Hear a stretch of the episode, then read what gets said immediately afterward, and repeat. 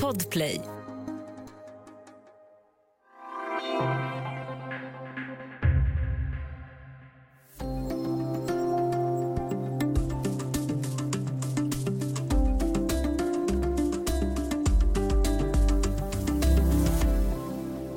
Tisdag den 1 juni tas de första stegen för att avveckla de svenska coronarestriktionerna.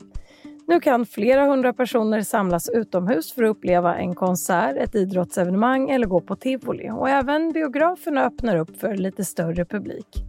Vad innebär det här för kulturlivets återkomst och hur påverkas smittspridningen? Välkommen till Studio DN med mig, Ylke Holago.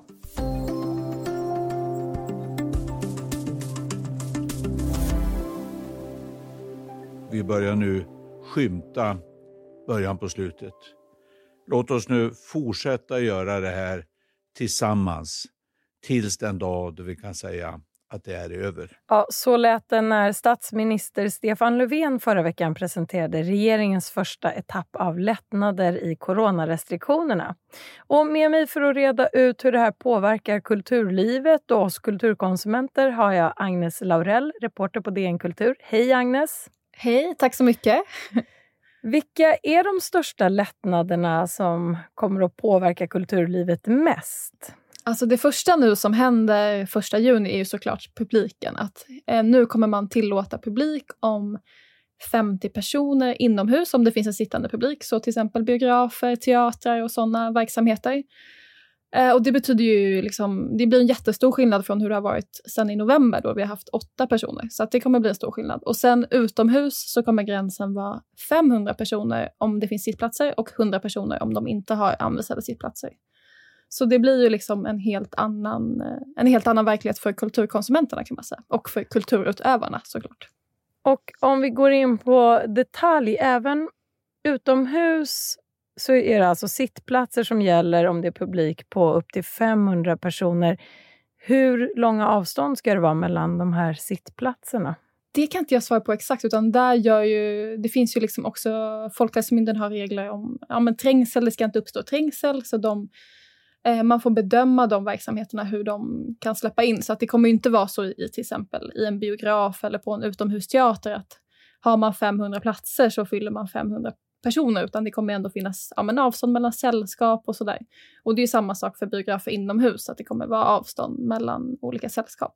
Vilka andra restriktioner kommer att finnas kvar? Nej, men det är ju att man ska försöka att uh, undvika trängsel och sen så kan man ja, men se att, att, att, till exempel bio, att biobesökare inte alla kommer samtidigt utan man försöker få ett jämnare flöde så att det inte blir köer till exempel ja, men vid godiskiosken och sådär. Och kultur och nöjesbranschen har ju varit väldigt kritisk mot eh, hur restriktionerna har drabbat just dem. Hur har de reagerat på lättnaderna?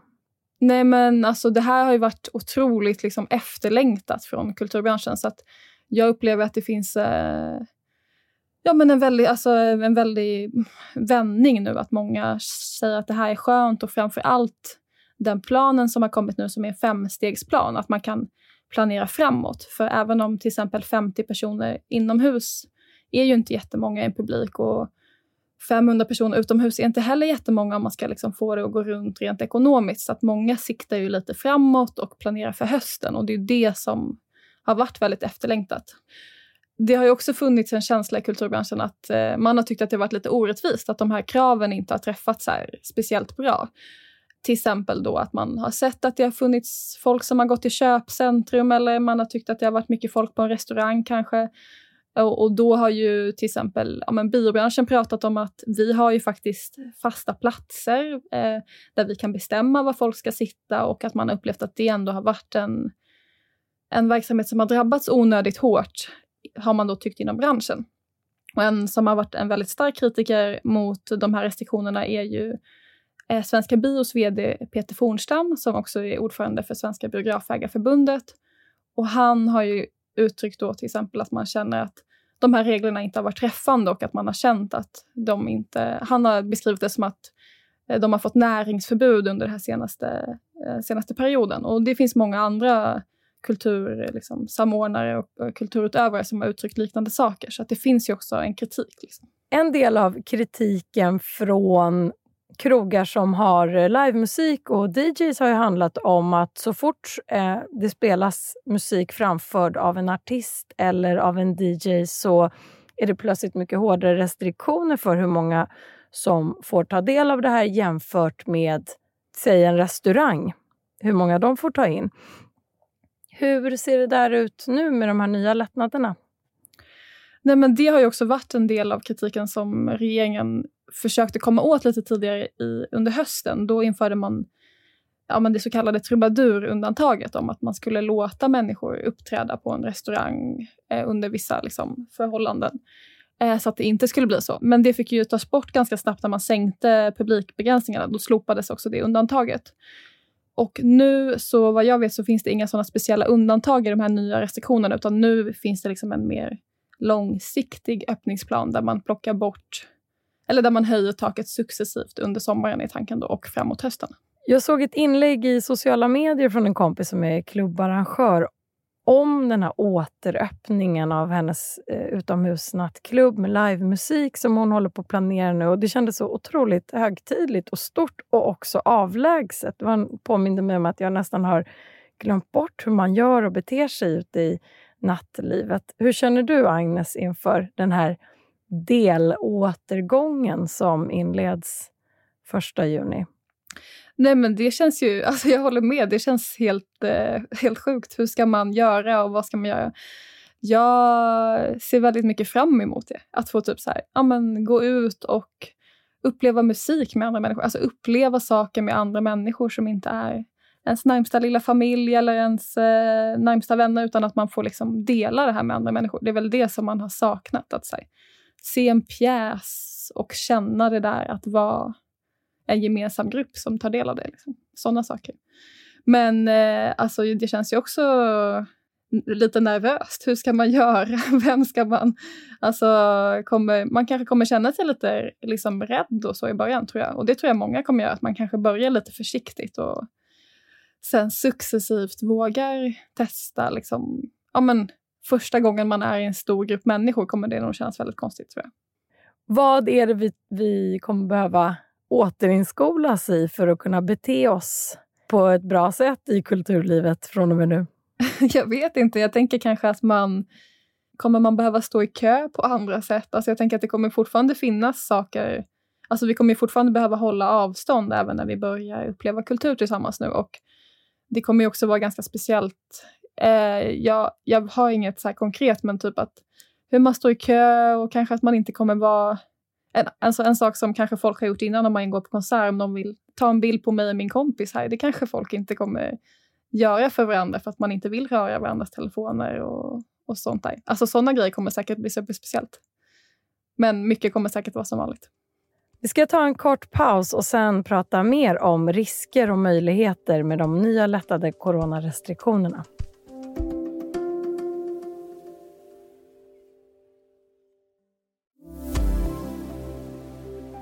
I Studio DN pratar vi om de nya lättnaderna i coronarestriktionerna och vad det innebär för kulturlivet. Agnes Laurell, lättnaderna skulle ha införts den 17 maj men sköts upp på grund av den ökade smittspridningen. Vad är det som gör att regeringen tycker att det är dags för lättnader nu när det bara har gått två veckor? Nej, men det sa man ju redan då, att eh, just där och då den 17 så upplevde man det som att det var för hög smittspridning. Men sen har ju eh, smittspridningen minskat sen dess.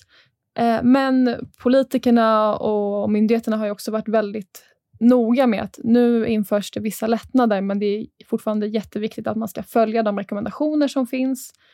För gör vi inte det så kan det bli så att smittspridningen ökar igen. Och när statsminister Stefan Löfven han presenterade det här på en presskonferens i förra veckan, då så sa ju han också att liksom, det här handlar inte om att pandemin är över, utan det är väldigt viktigt att hur vi beter oss nu kommer också avgöra när man kan ta nästa steg i den här femstegsplanen då, som de har presenterat för öppningen. Så det spelar ju stor roll också. Ja, och samma dag som regeringens presskonferens så hade också Folkhälsomyndigheten sin pressträff och så här sa Karin Tegmark från Folkhälsomyndigheten under den presskonferensen. Även om vi har en god utveckling så är det väldigt viktigt att fortfarande förhålla sig till de smittskyddsåtgärder som gäller. Och vi vill ju lyfta särskilt då hålla avstånd, arbeta hemifrån när det är möjligt avstå sociala träffar på fritiden, till exempel fester, där vi ser att det finns fortfarande sådana och där det sker smittspridning. Och där hörde vi alltså Karin Tegmark Wisell på Folkhälsomyndigheten samma dag som regeringen hade sin presskonferens där de presenterade de nya lättade restriktionerna som införs den 1 juni. Hon är ju noga här med att pandemin är långt ifrån över och smittspridningen i Sverige befinner sig på en hög nivå och att vi ska hålla avstånd, arbeta hemma om vi kan, undvika stora fester och kollektivtrafik. Hur ska vi förhålla oss till det här nu när vi kanske börjar gå mer på nattklubb eller tivoli? Nej men det är precis som, som hon säger där i klippet att det är fortfarande viktigt att det inte får uppstå trängsel och det finns ju också med i de här, eh, i de här lättnaderna som görs nu, att, som jag nämnde innan, att om, även om man är, får, till, får gå in 50 personer i en biosalong så kanske inte 50 personer får vara där för att det kan bli för trångt. Så då kanske det bara blir 20 personer i en biosalong till exempel. Eh, och det är ju samma, alltså, och det gäller ju liksom på alla verksamheter eller vad man ska säga. Eh, de här nya publik, eh, lättade publikreglerna, de gäller ju till exempel inte för privata fester och så, utan där gäller ju fortfarande de här lägre begränsningarna om att man inte ska samlas mer än åtta personer. Och Det här som införs den 1 juni, det är alltså första steget i en femstegsplan som du nämnde här tidigare. Hur ser den här planen ut? Ja, men det är liksom en plan i fem steg och det gäller alla möjliga områden i samhället. Det gäller inte bara kulturen, men kulturlivet har ju, har ju verkligen efterfrågat en sån plan eftersom att, som jag nämnde innan, att det handlar ju om att kunna planera sin verksamhet under en lång tid.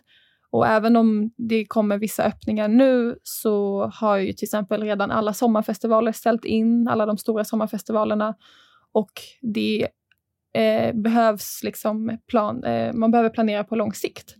Eh, så den här är uppdelad i lite olika delar. Men det här första steget då, som vi har pratat om, man kan få vara 500 personer utomhus om det finns sittande platser och 50 inomhus.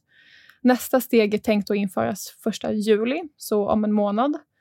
Och då hoppas man att det ska kunna vara person 300 personer inomhus och 3000 utomhus, förutsatt att man har sittplats då och att det inte uppstår någon onödig trängsel. Och sen så kommer steg tre av planen och den gäller eh, generellt ja, men kollektivtrafik och eh, begränsningar som har funnits för det. Och steg tre då beräknas införas 15 juli. Eh, steg fyra finns det inte något exakt datum för, och det, men man tror att det kommer vara i september. Och då innebär det bland annat att begränsningarna helt kommer tas bort vad det gäller allmänna sammankomster och offentliga tillställningar. Alltså helt enkelt publikbegränsningarna kommer tas bort i september förutsatt att man kan följa den här planen. Den sista steget som kallas för steg 5 det finns ingen, eh, inget datum heller för när det kommer införas, men det handlar bland annat om att eh, man tar bort råden om att arbeta hemma och sådär. Eh, men det finns inget datum för när det kan in införas. Och vad skulle göra att regeringen drar tillbaka de här planerna? Ja, alltså det som jag tänker handlar väl såklart om att eh, om vi ser en allmänt eh, försämrad situation så har jag svårt att se att man kommer släppa upp eh, ja, men ur smittspridningsperspektiv, att om smittspridningen skulle öka väldigt kraftigt och att väldigt många människor skulle bli inlagda på sjukhus, så har jag väldigt svårt att se att man skulle tillåta stora publikevenemang till exempel. Det känns ju inte som att det går hand i hand riktigt. Slutligen, Agnes, du är eh, kulturreporter. Du har längtat efter kultur. Att få avnjuta kultur på olika sätt. Du pratade om pjäs här tidigare. Vad gör du den första juni?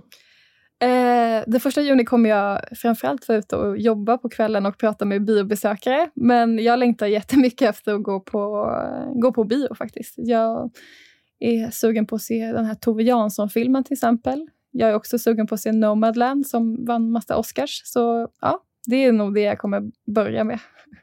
Tack Agnes Laurell, reporter på DN Kultur.